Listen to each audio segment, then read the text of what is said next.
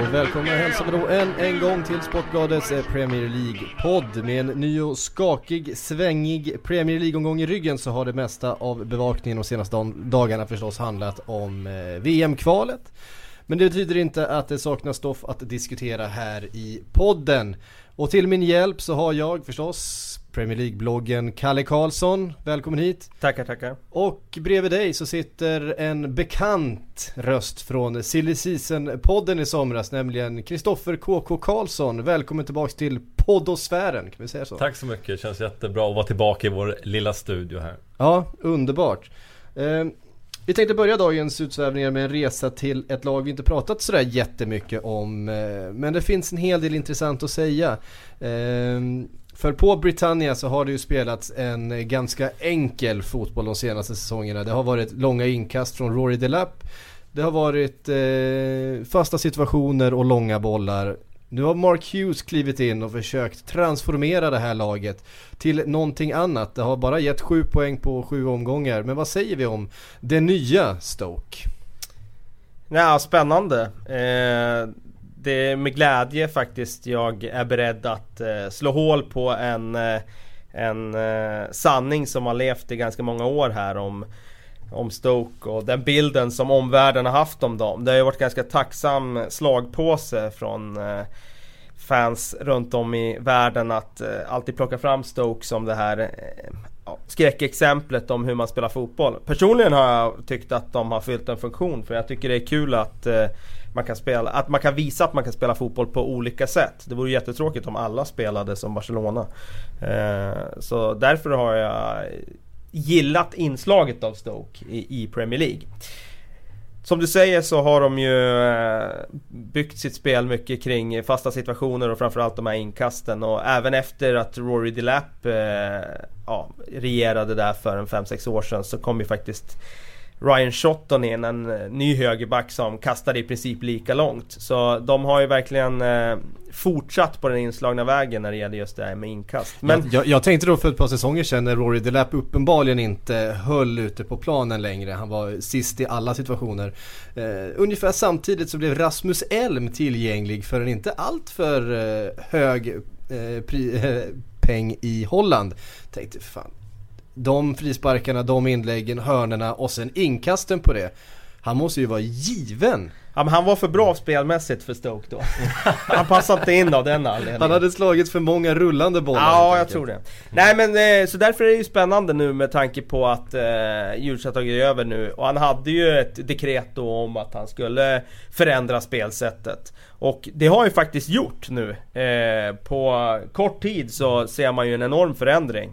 Såg matchen senast här mot Fulham, såg reprisen i måndags och eh, de åkte faktiskt till Craven Cottage och hade 60% av bollinnehavet och det var ju faktiskt så att Stoke hade minst bollinnehav av alla lag i de fem toppligorna tidigare och att de hade åkt till en borta arena och haft bollinnehavet tidigare det var helt uteslutet. Så att eh, det är ett nytt Stoke, eh, det är ett Stoke som eh, numera utnyttjar den kompetensen som finns. De har ju haft Steven Nsonsi på mittfältet men han har inte fått göra det han är allra bäst på. Han lämnade in en transfer request i, efter förra säsongen. Sen fick han reda på att de skulle lägga om spelsättet och då blev han kvar och han är jättebra nu. Sen såg jag även Arnautovic som fick göra två Rabona i den här matchen. Och det är väl inte riktigt det man eh, eh, eh Det är väl inte det man tänker på när det gäller Stoke, alltså bakom foten inlägg eh, och Stoke, det rimmar inte så väl. Nej, det räcker att kolla i statistiken så ser du att det är ett lag som De passar mer, de har högre säkerhet i passningarna, de har bättre bollinnehav. Eh, de dribblar mer, eh, de, eh, all, allting, allting är bättre i Stoke i år. Och Mark Hughes ska förstås hyllas för det, det han har lyckats åstadkomma på bara några matcher egentligen. Även om poängen inte har börjat rulla in ännu så, så kommer de onekligen. Samtidigt så är jag precis som Kalle här har aldrig varit någon Stoke-hatare även om det har varit lite grann på modet de senaste åren att hata på Stoke. Så Så är det ändå någon del av mig som grämer mig lite grann över att det här laget är borta. För de erbjuder som sagt en helt annan dimension på, på den absoluta topparenan. Jag tror de flesta har haft en, eh, något av en hatkärlek ändå för att eh, någonstans så ger det ju en eh, liten nostalgisk eh, känsla i maggropen när man ser det här långa, raska spelet tvärs över planen.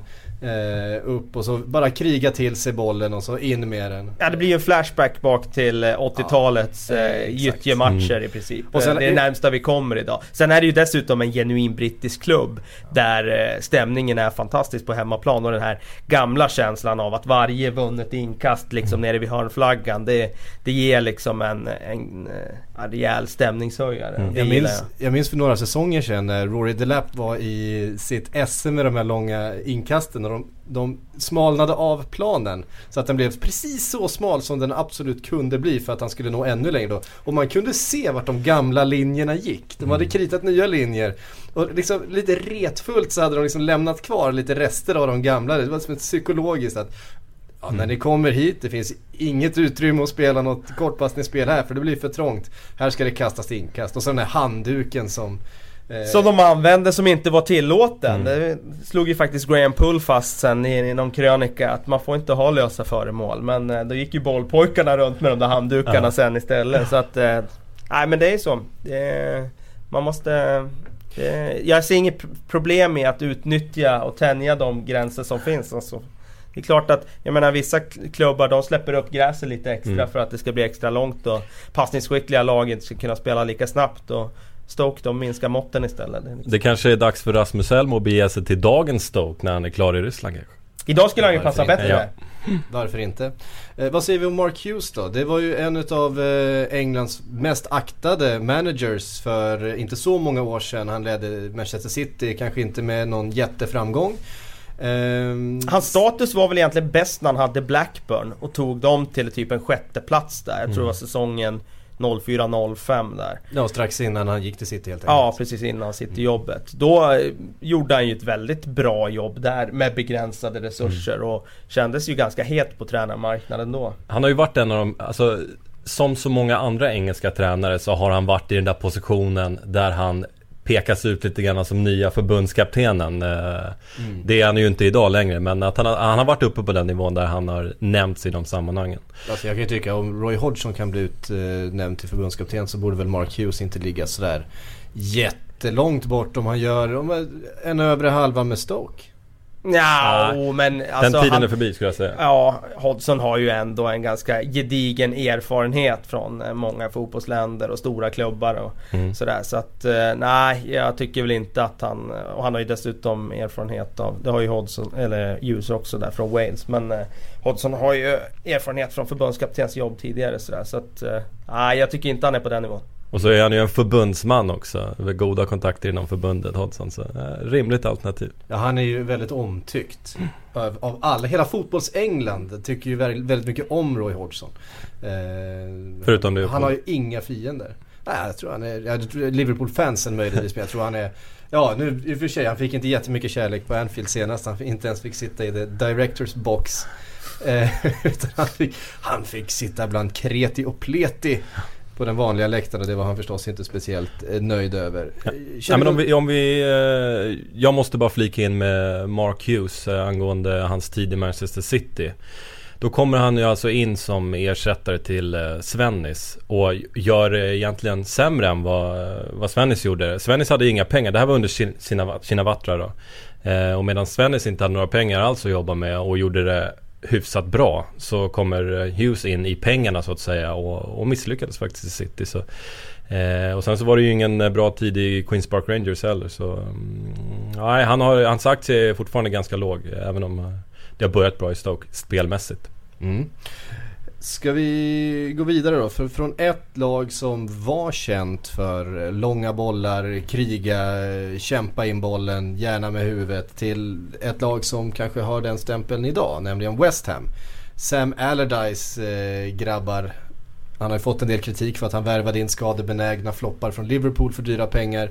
Eh, men i söndags blev det triumf när man krossade Tottenham på bortaplan med 3-0.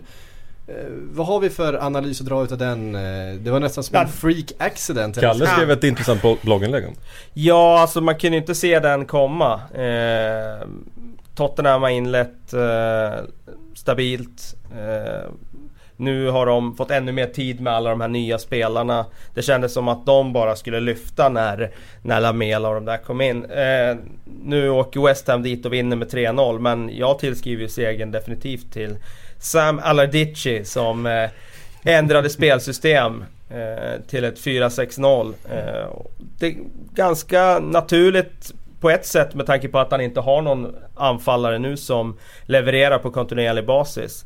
Men att ändå vara, ha modet att göra det och eh, få det att lyckas på det sättet. Det var ju alltså ett sexmanna mittfält som inte påminde om eh, Spaniens modell utan det var ju mer en, en eh, reaktiv fotboll där man skulle packa mittfältet och eh, ta en smash and grab seger när läget dök upp och det var ju exakt det de gjorde. Och vackra mål fick vi se. Ja får man ju minst sagt säga. Om vi pratar om Re- Revel Morrisons eh, solomål så tillhör det väl ett av säsongens vackraste hittills. Ja, han sa ju, han var inne på det själv efteråt. Hade jag haft ett utländskt efternamn så hade jag hyllats till skyarna. Eh, Så vi får väl kalla honom Allardyce i fortsättningen. Ja, vad säger vi om Big Sam? Eh, hur står hans eh, fotbollskunnande och hans fotbollstaktiska? Du var inne på det här med sitt 4-6-0. Ehm, hur står han sig i den tuffa konkurrensen i Premier League? Nej men jag tror att jag tror att rent allmänt sådär så är det lätt att placera tränare i fack. Alltså spelare och tränare i fack. Vi har ju liksom, vi har pratat om Stoke redan som fick eh, ja, sin stämpel och den lever ju kvar. Jag tror att frågar du idag så har nog långt ifrån alla upptäckt att de har lagt om sitt spel och att de inte alls förtjänar den här inkaststämpeln läm- längre. När det gäller Sam Allardyce så så byggde den ju på hans tid i Bolton där som var liksom föregångaren till Stoke. Och det där liksom, det, det är svårt att bli av med den typen av stämpel och jag tror att det krävs eh, revolution för att man ska bli av med en sån stämpel. Jag tror definitivt att han har... Han, han själv säger ju att han är tillräckligt bra för att träna Real Madrid och Inter och han skulle passa bättre där och jag skulle absolut kunna ta en klubb som Barcelona. Eh, jag tror absolut att liksom, tränare som får den där stämpeln och vara eh, defensiva tränare och reaktionära tränare. De har andra divisioner också. Bara det att som tränare måste du alltid utgå från vilket material du har. Eh, och han har inte varit i klubbar som eh, har haft supermaterial. Det, den klubben han har varit i där han kanske hade bäst förutsättningar för att spela bra, det är väl Newcastle. Och där eh, fick han ju sparken till slut då. Men eh, jag tror definitivt att eh, han har dimensioner och taktiskt och sådär som alla inte upptäckt. Ja, så är det ju. Man anpassar sig efter det spelarmaterial man har och i Bolton så, så spelade han så bra som Bolton kunde spela. Och Sen så, eh, det hjälper ju inte att han är engelsman heller när han väljer det spelsystemet som han hade i Bolton. Och då, då blir det så att man stämplas, speciellt i den engelska pressen. Så är det. Vad säger vi om eh, West Hams trupp då? 2013-2014. Eh, vi pratade lite om det förra veckan här. Det var någon, eh, jag, vad jag förmodar, West Ham supporter som var lite missnöjd över värvningarna. Eh, vi var inne då på att det kanske var, ändå var försvarbart att ta in en Andy Carroll för den prissumman. Det är ändå en, en före detta landslagsspelare som har gjort ett par riktigt fina säsonger i, i Premier League. Eh, men vad säger vi om truppen i övrigt? Jag tycker West Ham har gjort en del smarta köp också. Vi måste ju framhålla det om vi pratar om eh, ja, de här, om han framhöll de som misslyckade här. Men till exempel Mohamed Diame då, som har plockat från Wigan på Bosman inför förra säsongen. Det har ju varit en succé. Eh, Det är ju en spelare som borde intressera större klubbar eh, efter den här säsongen. För han har ju egenskaper som är eh, väldigt nyttiga. Framförallt tänker jag på hans hårda arbete i båda riktningar och hans andra vågslöpningar in i boxen. Som, eh, ja, det, det är lite Lampard över de löpningarna tycker jag. Eh, de värvar en vänsterback nu som heter Razvan Ratt inför den här säsongen. Eh, har ju också, det var ju ett problemområde i flera år och det, jag tycker han har smält in bra. Winston Reed ser ju faktiskt ut nu att växa ut till en riktig storback. Och eh, han kostar inte heller mycket pengar. Och det är ju också en sån där chansning när man värvar en nyzeeländare som ja, inte har någon meritlista att skryta med. Så att eh, jag tycker truppen ser gedigen ut och de är ju liksom, jag tycker det är god för en vinterplacering. Och när, när vi ändå hyllar Allardyce så tycker jag också vi ska nämna Ravel Morrison som man, han tar in från Manchester United. Ferguson säger det till honom att tar du hand om den här spelaren, får honom på rätt spår så har du en möjlig världsspelare i, i din trupp. Och vad Allardyce har lyckats med att tygla den här eh, Morrison som har ett stökigt förflutet minst sagt. Det är också jätteimponerande och där har han gott om kapital inför framtiden. Och eh, Sir Alex kommer man väl lyssna på när det gäller den här typen av eh, frågor. Ja, och det verkar ju som i det fallet som att eh, United var väl ganska övertygade om att han skulle bli bra. Mm. Grejen var bara det att han behövde ett miljöombyte. Mm. Eh, han hade aldrig lyckats i Manchester United för han umgicks i fel kretsar Precis. och det var för mycket störningsmoment utanför fotbollen där. Så att eh, ett byte av stad, det var liksom helt fundamentalt för att han skulle komma på rätt spår. Och det är jättekul att han verkar ha gjort det nu.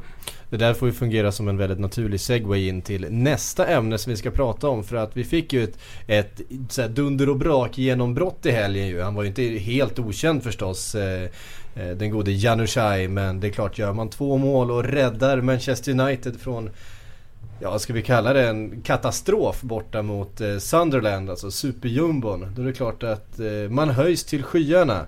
Eh, denna 18-åring. Vad, vad kan vi säga om eh, Janushaj? Det såg ju, jag såg första 45 och jag var inte alls sådär jätteimponerad. Tyckte han slog bort ganska mycket boll. Eh, slog på TVn när det var ungefär två minuter kvar. Eh, såg att United ledde och att han hade gjort båda målen. Eh, ganska imponerande får man ju verkligen säga om en så ung spelare i ett, eh, ett sånt eh, ska vi säga, lite ängsligt och ångestfyllt eh, lag som Manchester United är just nu. Ja, han har ju onekligen skapat eh, rubriker eh, efter målet också. Eh, men det kommer vi väl också in på senare, det här med landslag och så. Nej men, men det är en ytterst spännande mittfältare som som ja, räddar United från ett fiasko eh, mot Sunderland eh, på eg, eh, ja, i princip på egen hand med de där två klassavsluten. Eh, ja. Han var ju väldigt bra i träningsmatcherna. Eh, och det är i och för sig inget unikt tycker jag att unga spelare visar framfötterna på träningsturneringarna där de känns avsevärt mer inspirerade än de etablerade spelare som använder det mest för att ja, eh, rent bli bra fitness igen inför säsongen. Jag kommer ihåg en, en John Guidetti för ett par somrar sedan som öste in mål på Manchester Citys USA-turné var det väl?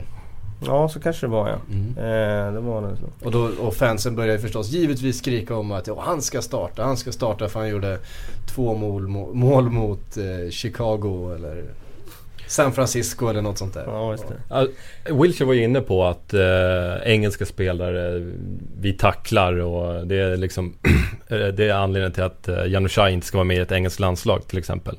Men det här är ju en spelare som liksom, han står upp när han har bollen, han, eh, han skyddar bollen bra, han är han är passningssäker, eh, han har, han har mycket, han har eh, jättemycket. Framförallt så verkar han vara en ganska modig spelare. Eh, för det som slog mig eh, när jag såg då, jag såg som sagt bara första halvlek.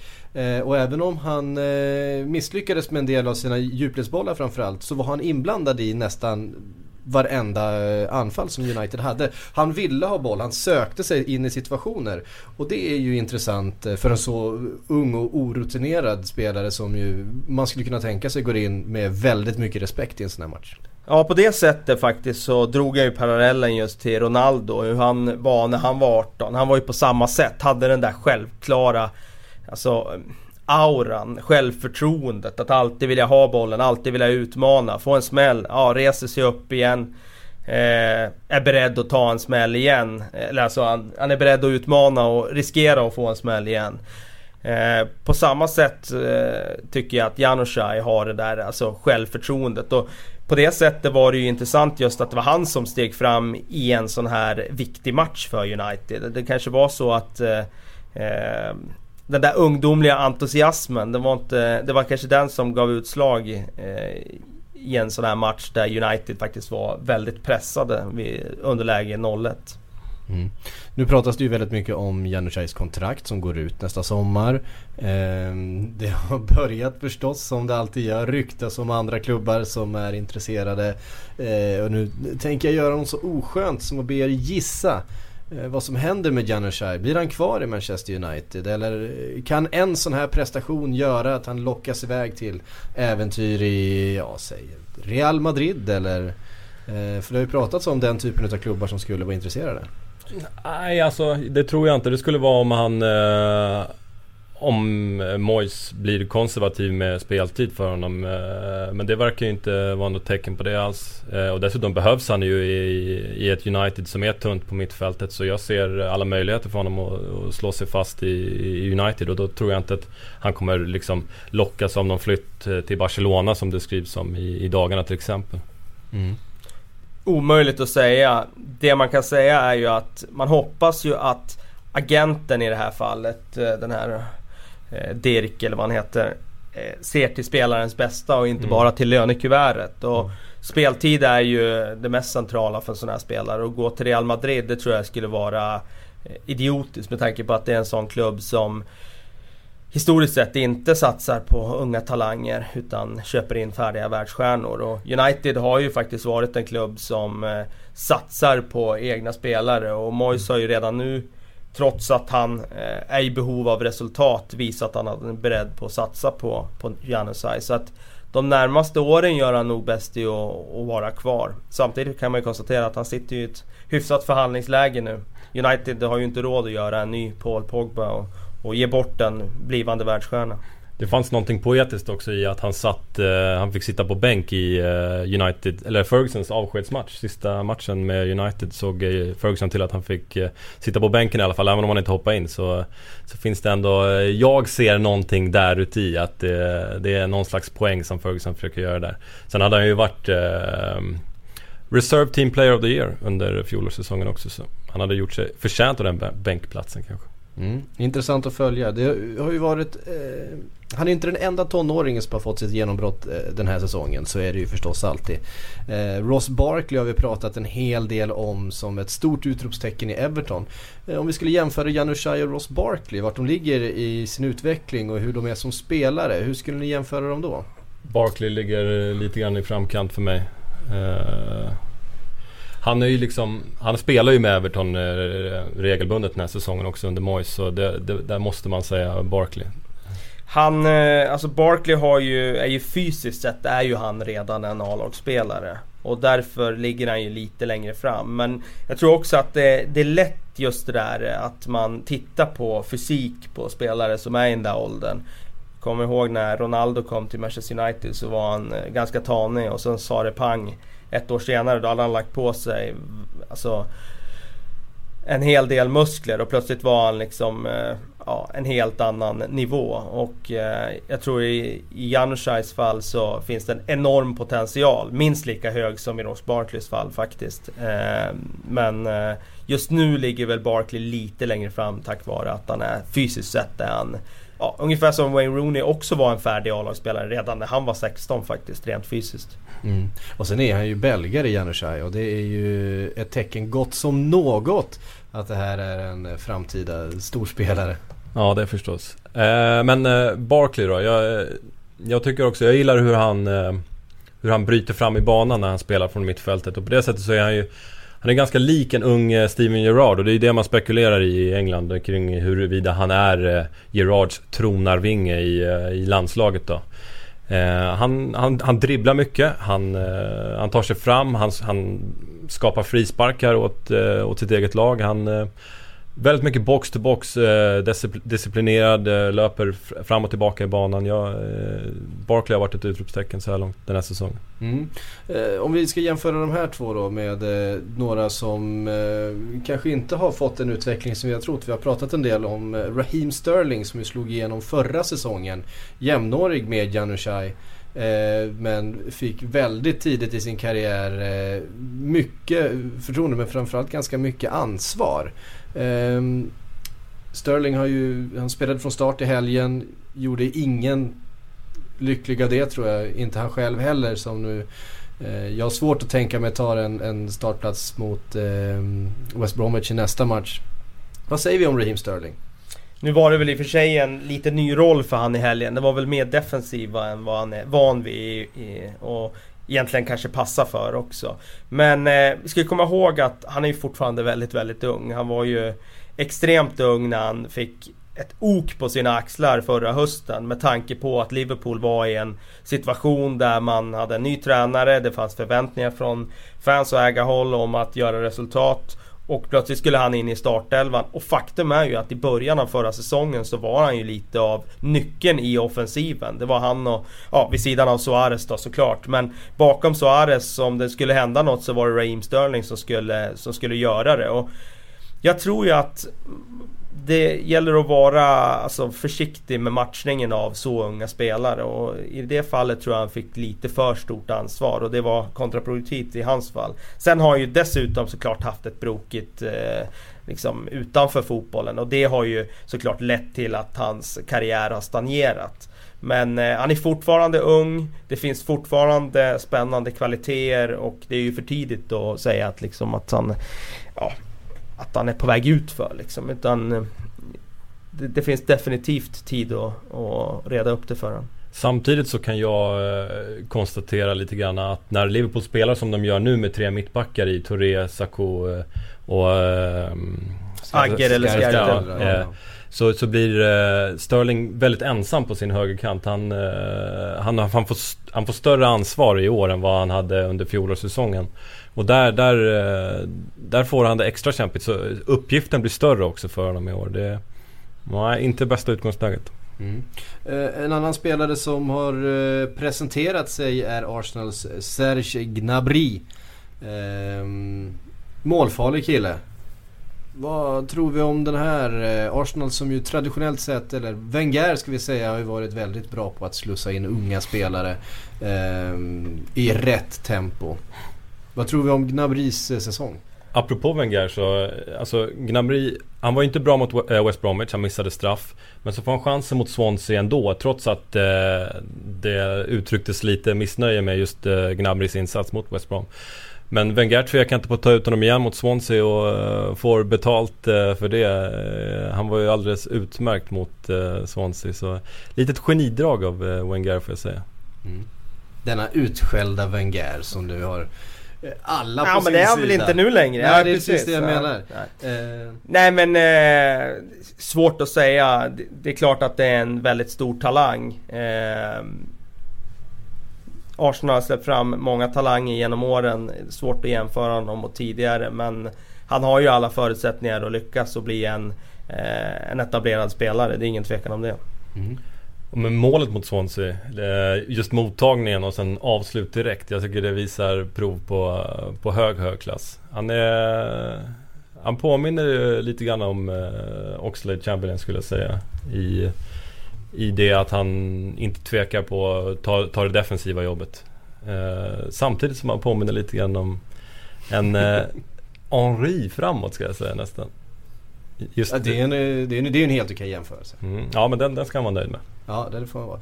Finns det några andra tonåringar som ni har lagt märke till den här säsongen som kanske inte har fått lika mycket eh, mediatid men som ändå gjort det bra? Nathan Redmond kommer jag på att tänka på i Norwich som eh, Chris Hewton hämtade från sin förra klubb då, Birmingham. Han eh, kändes väl på förhand som en eh, rotationsspelare med tanke på att de är ganska starka på yttrarna med Snodgrass, Pilkington och sådär. Men han startade den här säsongen extremt bra. Eh, född 94, 19 år. Och var ju faktiskt Norwichs bästa spelare i de inledande matcherna. Så att eh, det känns som en riktigt spännande spelare. Den där yttertypen som England saknar. Den där liksom speediga yttern som även kan gå inåt i banan och avsluta. De har ju speed med sådana som Aaron Lennon och Walcott. Men de blir ganska lättlästa ibland. Det här är ju en spelare som högerfoten spelar till vänster istället. Och har lite fler dimensioner i sitt spel. Så att eh, det är en blivande landslagsspelare skulle jag tro. Mm. Och om vi är inne på yttrar då så måste jag passa på att eh, lyfta upp eh, Lucas Piasson, Chelsea-spelaren som är, spenderar sin andra raka säsong på lån. Han var i Malaga i fjol. Nu är han i Vitesse Arnheim, även känt som Chelseas B-lag. De har sex spelare i, i Vitesse den här säsongen. Men då är Piasson den som är mest framträdande i eh, Vitesse också. Han har eh, gjort tre mål redan. Eh, varav två i derby mot Nek. Och då fick han en egen banderoll matchen efter Piasson, Legend of the Derby. Och då har han alltså spelat sju matcher i den här eh, klubben. Så eh, han, har, han har briljant bollkontroll och han, det, är en, det är en spelare som fortfarande skulle kunna växa ut till en anfallare. Även om han är eh, fantastisk på, eh, ute till vänster så, så är det här... Han är spännande på det sättet att han är väldigt mångsidig. Han kan, eh, han kan fortfarande bli en renodlad striker. Det beror på vad Chelsea väljer att göra med honom. Men jag, ser, jag, jag kan definitivt se en framtid för honom i eh, Chelseas A-lag. Piazon, 19 år gammal. En annan Chelsea-spelare som eh, kommer, vi kommer få höra, höra talas om de närmsta åren. Det är den här Ruben Loftus-Cheek. Som eh, 17 år bara. Men han var ju omtalad i våras när han fick ett extremt lukrativt kontrakt. Han fick ju ett kontrakt värt 1,7 miljoner pund som 17-åring. Så han är ekonomiskt oberoende innan han satt sin fot i, i A-laget. Och det ledde ju till en debatt i England kring om det verkligen är speciellt klokt att, att ge så stora kontrakt till unga spelare som de får ju inte den där moroten längre med att kämpa sig liksom uppåt utan redan där så så, så kan de, ja, ekonomiskt sett i alla fall, slå, till, slå sig till ro. Men eh, det är ju en riktigt, riktigt lovande spelare och det skulle inte förvåna mig om han eh, framåt slutet av den här säsongen finns med i, kanske får sitta på bänken i, i kupperna och sådär. Mm. Då vill jag slänga iväg en liten eh, liknande. Det är nämligen Samed Yesil som var väldigt omtalad. Gick från eh, Leverkusen. Från Leverkusen eh, har varit långtidsskadad, gick till Liverpool, varit skadad väldigt länge. Gjorde comeback i helgen när eh, Liverpools U21 vann över Tottenhams U21 med hela 5-0. Eh, gjorde faktiskt inget av målen, hoppade in med ungefär 20 minuter kvar men hade efter bara några minuter ett genombrott och ett, eh, jättefin bredsida som tog insida på stolpen. Eh, men blev då inget mål och var, såg väldigt pigg och eh, finurlig ut i sin comeback från att ha varit skadad i nästan ett helt år. Det är förstås en, en talang som i Tyskland har värderats som av de, ett av de största anfallslöftena. Har gjort, Han var ju dominant i ett U19-VM där. Som 16-åring. Mm och har gjort hur mycket mål som helst i de eh, tyska ungdomslandslagen. Så eh, jag vet att det är en spelare som Liverpool eh, håller väldigt högt och, och eh, hoppas nog försöka slussa in i seniorverksamheten under det närmsta, de närmsta två åren här. Liverpool har ju eh, faktiskt spottat ur sig ganska många spelare i den här akademin de senaste åren och Jordan Ibe är ju en annan sån spelare. En, en eh, bättre version av Raheem Sterling säger ju vissa. Och, Eh, även Jerome Sinclair som var väldigt ung när han debuterade faktiskt i kuppen i Liverpool. Det var väl förra hösten om jag inte minns fel. Var väl bara 16 år då. Mm. Eh, Andrew Wisdom. Andrew Wisdom, men han känner vi ändå till. Han har ju spelat rätt mycket i Premier League och så. Men av de som är på väg upp så, så Jerome Sinclair och Jordan Ibe kommer vi ju definitivt att få se mer av de närmsta åren. Mm. Ska vi ha in lite svensk vinkel på det hela också så uh, vill jag passa på att lyfta fram Marcos Lopez i uh, Manchester City. 17-årig portugis som uh, kommer ge Guidetti stor konkurrens om eh, platsen i Manchester City där framme i anfallet.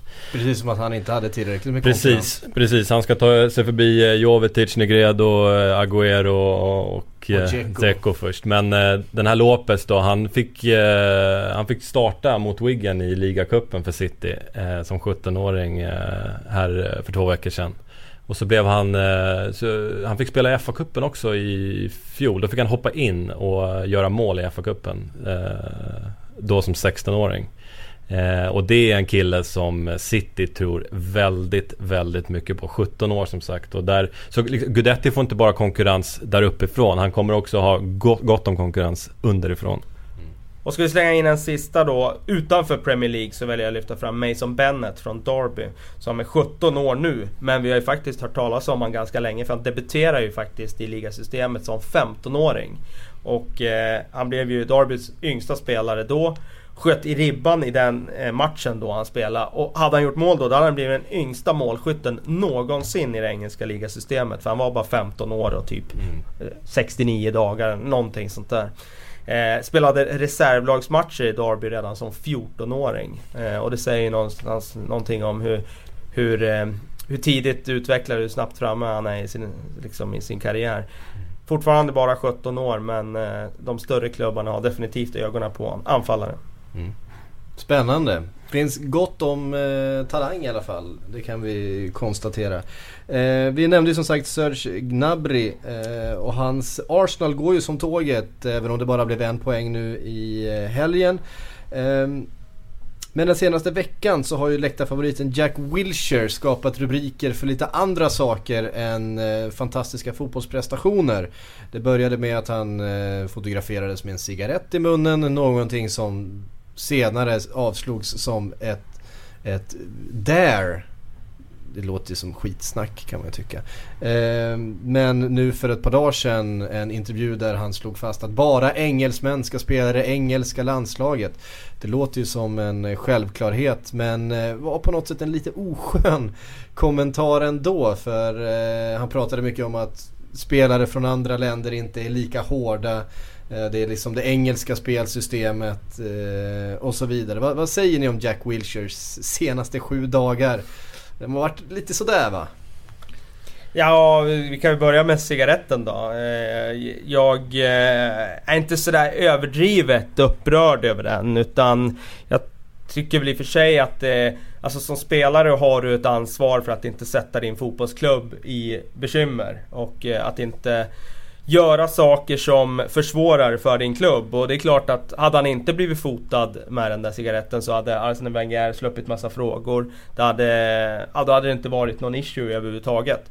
Så det största problemet för mig är egentligen inte att han rökte cigaretten utan att han blev fotad med den. Han ska se till så att han inte blir det. Och i dagens medielandskap, i dagens samhälle så så är det ju liksom, det blir ju automatiskt att vi lever, att de här stjärnorna lever i, med en annan verklighet. Och det har ju faktiskt avspeglat sig på det sättet som de lever idag med tanke på hur hur de gjorde förr och hur de festade förr och, och sådär. Och idag så existerar inte det på samma sätt utan... Men Kalle, Kalle.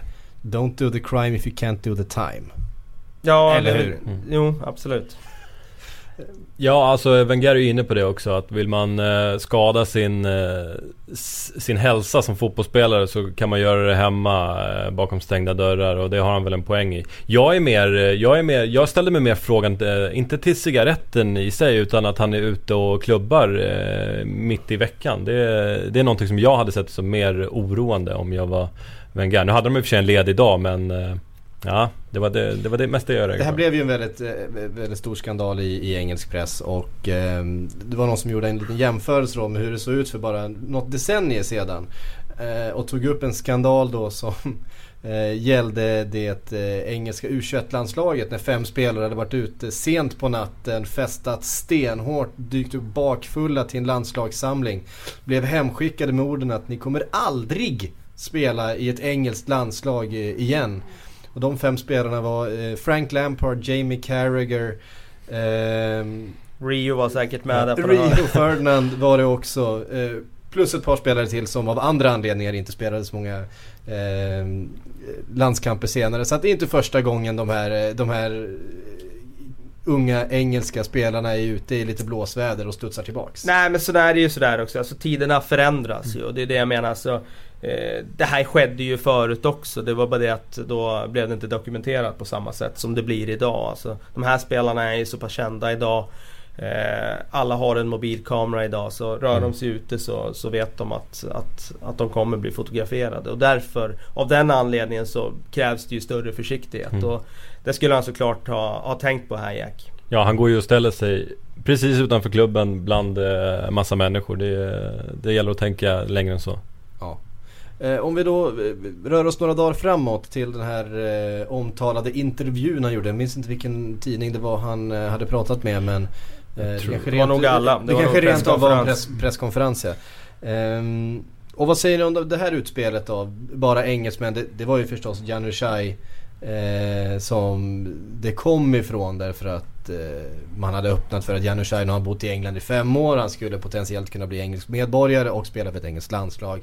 Eh, något som Jack, en konkurrens som Jack inte var speciellt sugen på att brottas med. Kan vi tolka det så?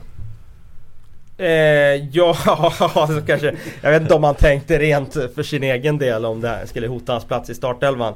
Det tror jag inte. Men eh, jag tror han eh, lever kvar i den här... Eh, så bilden av att alla som föds i ett land ska spela för det landet. Det är ju inte riktigt så världen ser ut idag.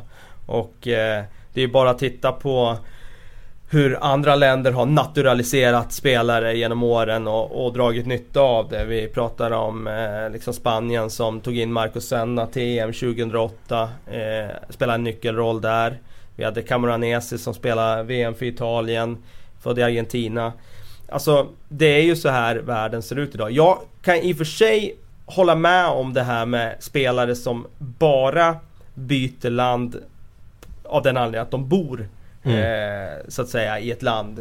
Jag, jag kan sympatisera med det. Sen är ju frågan om man ska eh, nu har ju England ett avtal med Wales och Skottland och sådär om att inte eh, så att säga ta över spelare tack vare residence, alltså att de bor där. Så att med nuvarande regelverk så kan de inte göra det. Eh, sen är det väl en diskussion om de ska slopa just den regeln. Men eh, däremot när det handlar om hur världen ser ut idag med när man har eh, släktingar och liksom sådär och byter landslag för att eh, pappa eller farfar kommer från ja, Turkiet eller sådär. Det har jag inga synpunkter på alls. Nej, alltså det är det som är frågan här. Antingen så har du spelare som kommer kanske vid 9-10 års ålder som flyktingar från andra länder eh, och, och växer upp i, i, i landet i fråga. Och det, där, har, där är ju, i min bok är det ju helt okej. Sen så blir det känsligare när du har den här boendefrågan med Senna till exempel i Spanien.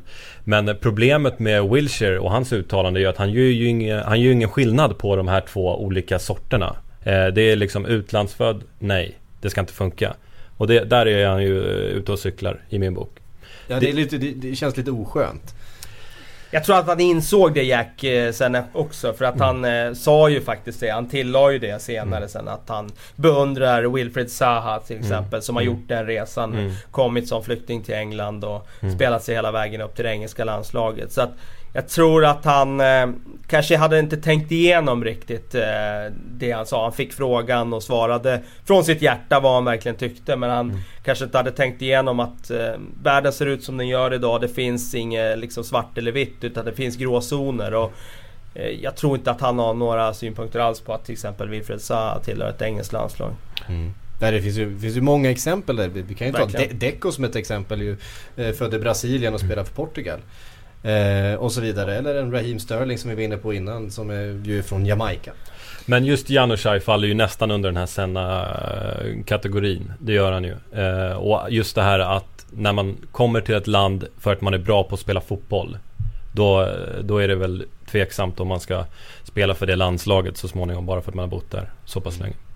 Samtidigt verkar det vara så att andra länder har ju inga skrupler utan Spanien de eh, plockar ju med glädje in Diego Costa nu. Ja. Och, eh, det är ju ett rent pragmatiskt beslut. De saknar en världsklassanfallare och Mm. eh, just nu, här och nu. Och de har chansen att få en och då undersöker de möjligheten att ta en, en brasse. Ja, de gör mer än det. Det ser ut som att han kommer bli eh, spanjor. Eh, nu har ju Brasilien kämpar ju hos eh, Fifa för att stoppa det men eh, det väger ju åt att eh, Costa blir eh, spanjor. Och ett Brasilien som faktiskt också, nu ska vi inte prata för mycket eh, brasiliansk och spansk fotboll här men, ett Brasilien som faktiskt också är i behov av en världsklassanfallare. Eh, till- Det kändes som ett stickspår va? Ja, det, det, det gjorde ju det. Eh, vi ska gå vidare. Är vi, är vi nöjda med Jack Wilshere? Är det något vi vill tillägga? Nej, vi lägger bokslut för hans vecka där tror jag. Ja. Ehm, då tar vi oss från toppen av tabellen ner till botten. Eh, nästan hela vägen i alla fall. För nykomlingen Crystal Palace har ju som väntat haft det tufft. Eh, och en av ligans mest pressade managers måste ju vara Ian Holloway.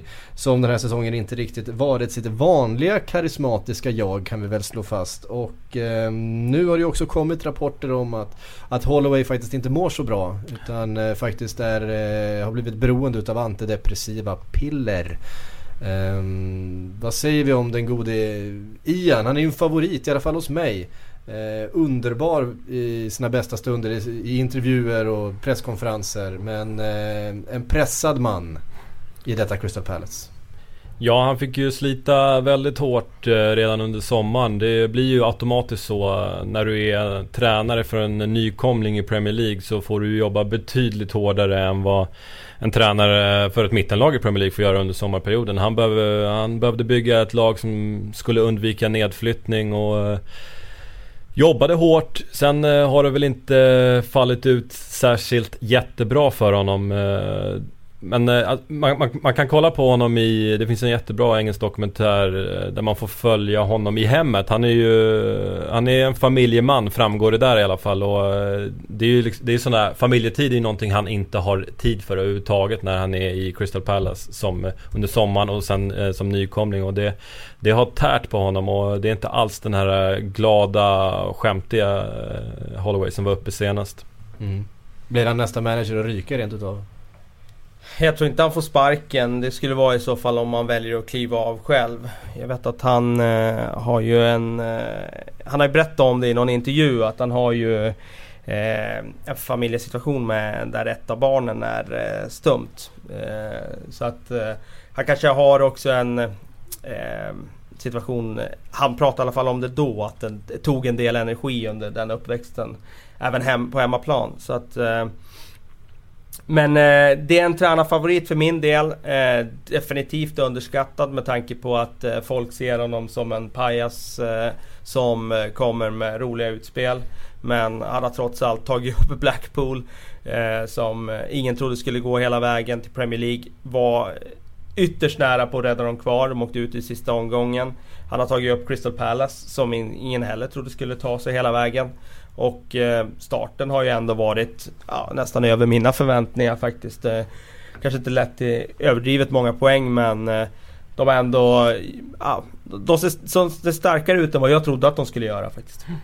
Mm. Och jag, med tanke på hur utspelade de blev i första halvlek mot Liverpool så, så ser jag också någon slags styrka i att man faktiskt kommer ut i andra halvlek och tar igen ett mål och spikar igen eh, jag antar att eh, Holloway eh, ligger bakom lite av det i halvtidssnacket. Jag satte ett stort frågetecken för deras backlinje men där måste jag säga att Gabidon, Delaney, Moxie Ward har varit mm. avsevärt bättre än vad jag trodde att de skulle vara faktiskt. Mm. Jag tror de skulle bli mer avslöjade där än vad de har blivit. Speroni tycker jag har gjort det bra också. Vad kan vi säga om eh, Merwan Shamak? Eh, som ju kom som stor värvning till Arsenal. Har han fått till det i Crystal Palace tycker ni? Ja, men han har väl ändå visat framfötterna nu tycker jag och visat liksom någonstans att han har en del kvaliteter. Och jag tror han passar ju avsevärt bättre i ett sånt här lag. Mm. Som spelar lite enklare fotboll och han är, han är ju dokumenterat väldigt stark huvudspelare. Så att... Eh, jag tror ju att någonstans att, eh, att Shamak den här säsongen kan eh, bättra på sitt rykte. Mm. Men eh, ryktet eh, fick sig lite grann av en törn med den här filmningen. Var det, det var... Ja det var häromveckan. Ja, precis. Ja, vi pratade om den förra veckan. Ja, okay. Den var ju inte speciellt vacker. Mm, nej det var den inte. Men då fick han ju en känga av Holloway också. Tog ni upp det då att eh, Shamak, eller Holloway menar att Shamak sa till honom Hade jag eh, dykit så i Arsenal så hade jag fått straff. Det tog Nej, det, det, det, det, tog vi faktiskt aldrig upp. Nej, för Holloway var ju... Det var ett citat från Holloway att Shamak ska ha berättat det för Holloway. Så, ja, men eh, hade jag gjort sådär i Arsenal hade jag fått straff. Eh, och sen är det frågan om det är Holloways egen agenda eller om Shamak faktiskt har sagt så. Det, det är fortfarande en olöst fråga.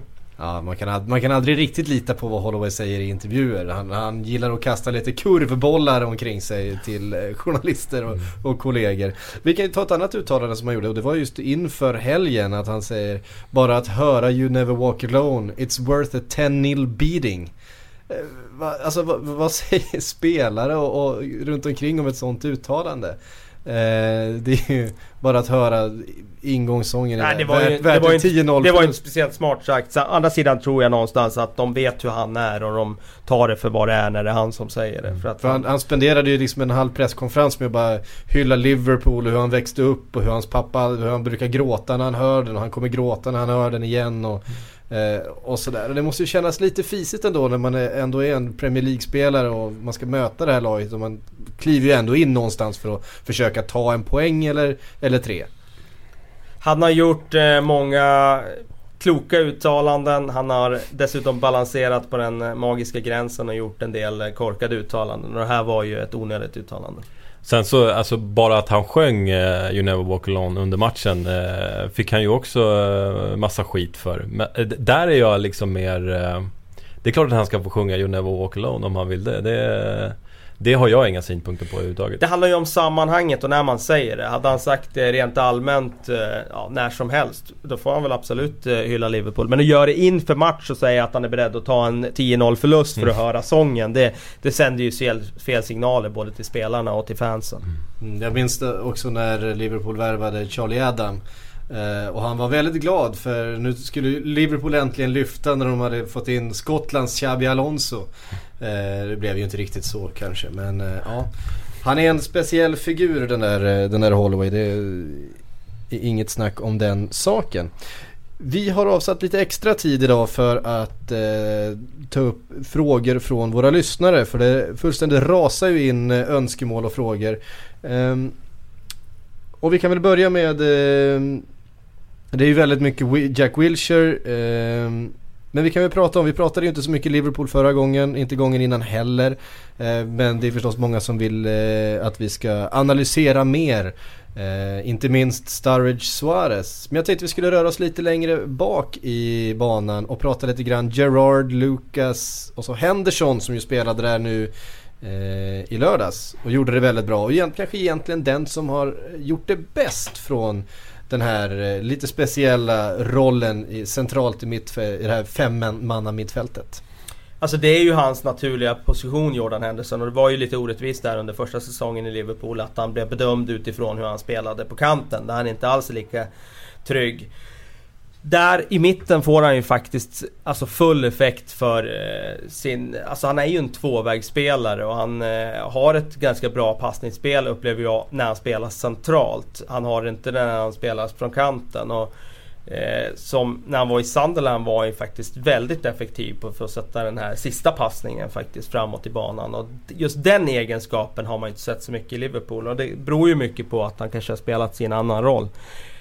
Jag, har, jag vet att du tog upp det innan här om, om Steven Gerrard är den som borde få stryka på foten och jag, jag kan verkligen inte se det ske. Eh, Nej för det har pratats ganska mycket om det och det är ju verkligen att svära i kyrkan eh, bland Liverpools supporter men även bland i supportleden så har det ju börjat knorras lite grann om Steven Gerrard just på den här positionen. Och man undrar vart han ska ta vägen egentligen. Alltså han har ju, vart han ska ta vägen, alltså han har ju flyttat neråt i plan och det är ju en konsekvens av, eh, av ålder att... Eh, en Paul Scholes. Ja precis, alltså det är ju ganska många centrala mittfältare som gör det. Jag menar Lampard har ju också, han är inte lika offensiv idag som han var tidigare och det, det är naturligt. Eh, Tittar man på Steven Gerrard förra säsongen så var han en av Premier Leagues absolut bästa mittfältare och jag tycker det är, liksom, det är inget konstigt att en spelare hamnar i en formsvacka.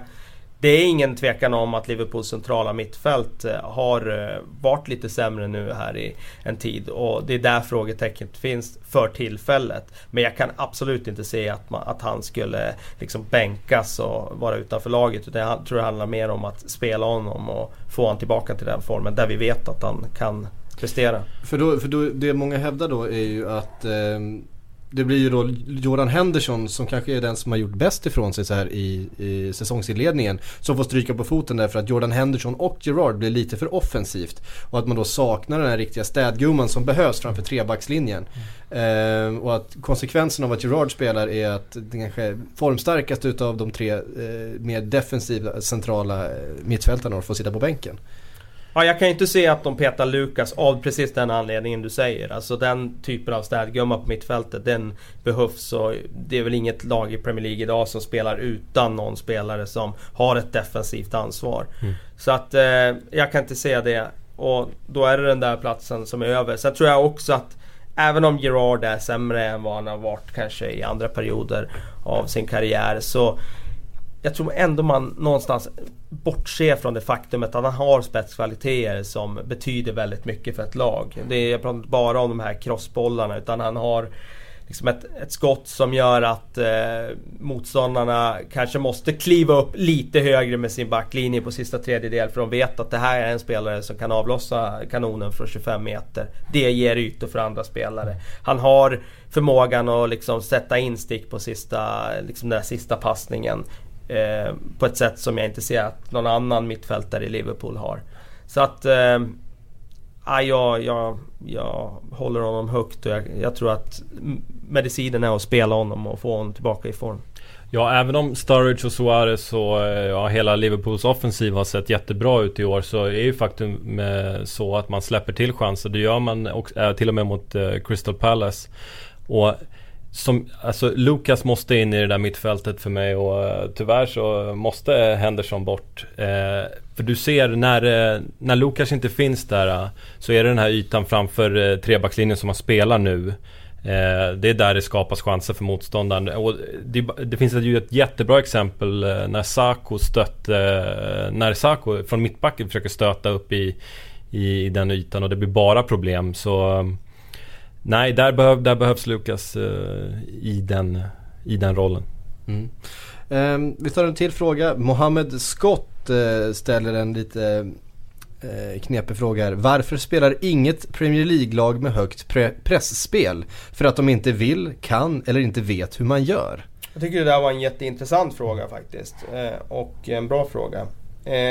jag tror att det har, är flera anledningar till det. Dels är det, om du ska spela med hög press så bygger det på, alltså hög press, tidiga bollvinster, så bygger det på att du själv kan behålla bollen inom laget. Eh, för annars kommer du aldrig orka att göra över 90 minuter utan du måste Ska du vinna bollen högt då måste du själv kunna hålla bollen sen så att du får vila mellan varven. Som Barcelona gör och kan. Jag tycker inte det är så många lag i Premier League som behärskar just den konsten att behålla bollen inom laget.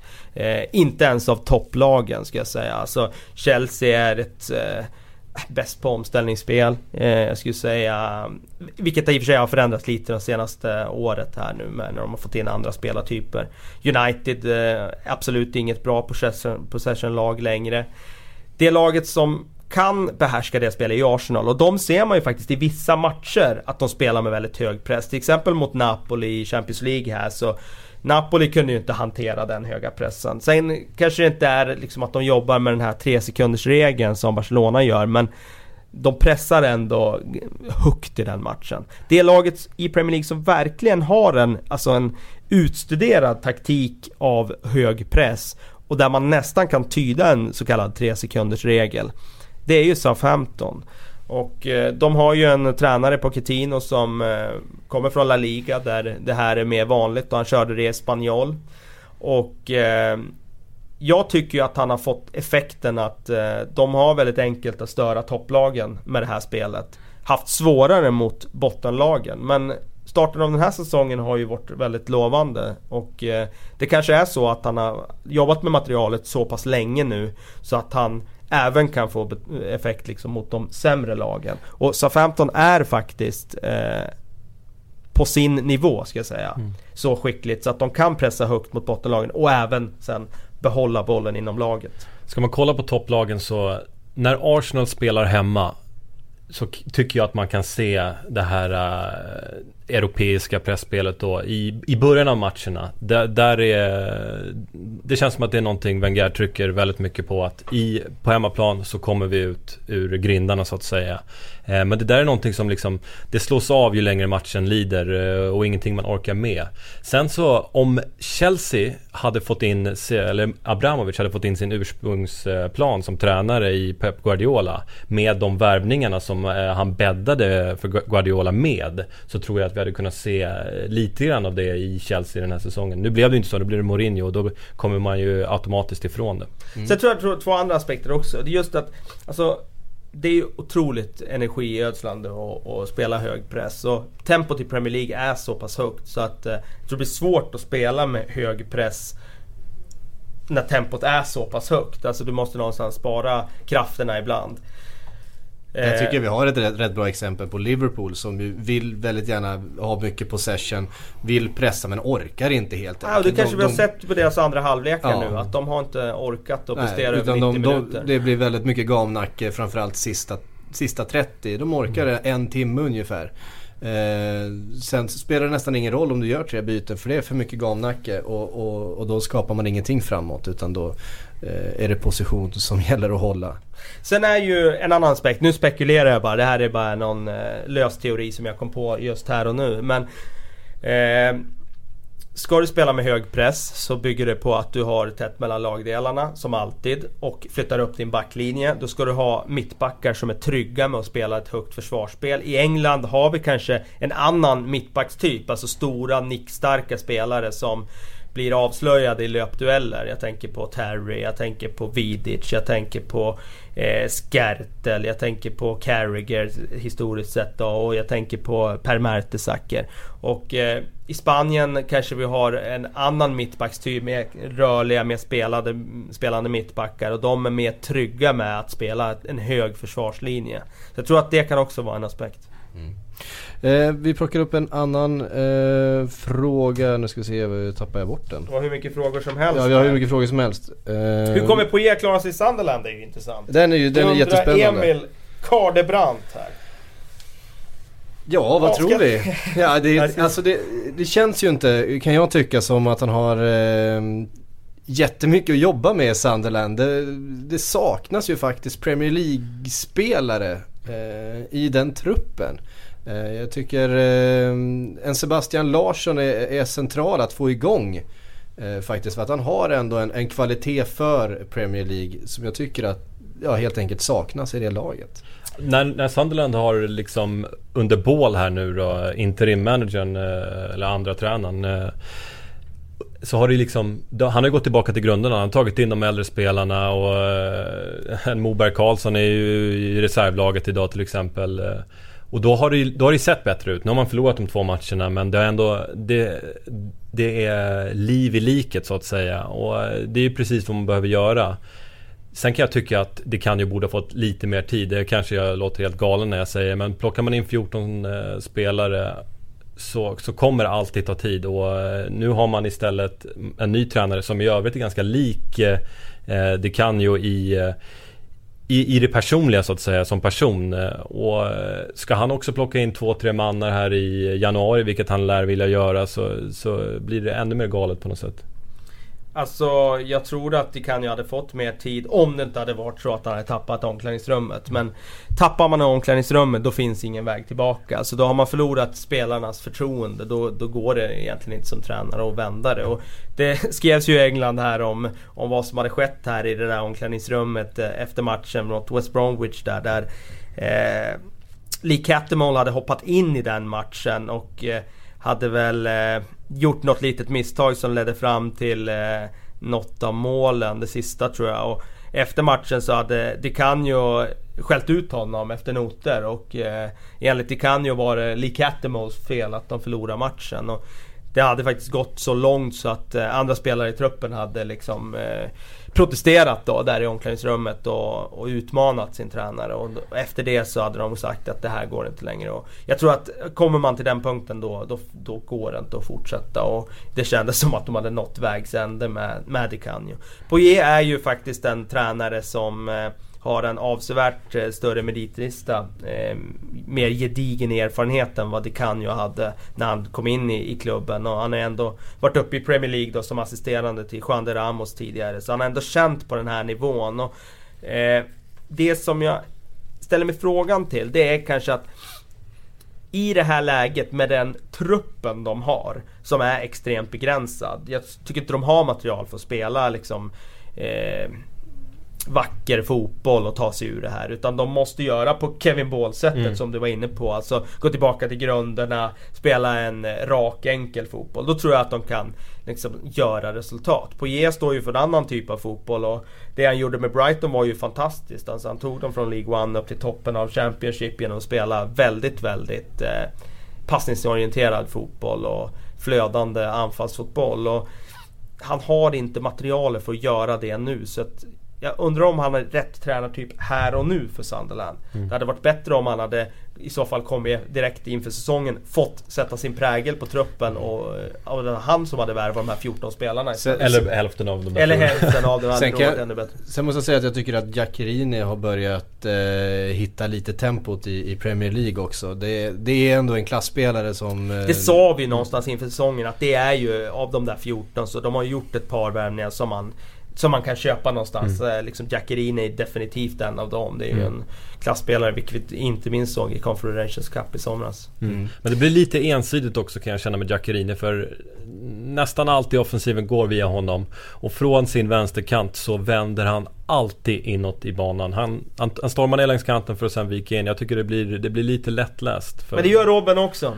Ja, det är sant. Det är fortfarande ingen som har fått tag på Det honom. är ingen som har klurat ut Vi, det vi ska hinna med en fråga till. Det är Axel Olsson som skriver. Eh, prata gärna om hur Chelsea ska formera mittfältet. Vilka borde vara ordinarie? Det här är ju en knäckfråga. Vi har pratat om det tidigare. Men det är väldigt trångt där. jo tack. Vad tycker ni? Vilka ska spela egentligen?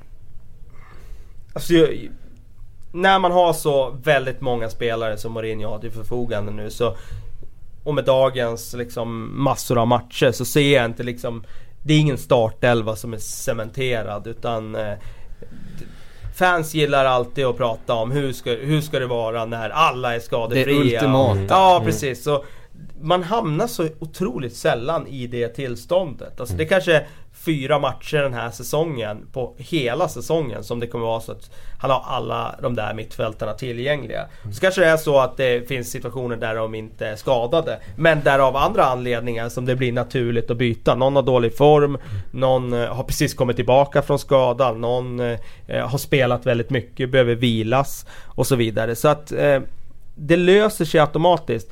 Om han frågar vilket jag tycker är den bästa uppställningen här och nu så skulle jag nog säga Hazard, Mata, Oscar som... Eh, ja, det är de tre som eh, eh har spelat tillsammans tidigare, gjort det väldigt, väldigt bra och eh, kanske just här och nu visar den bästa formen.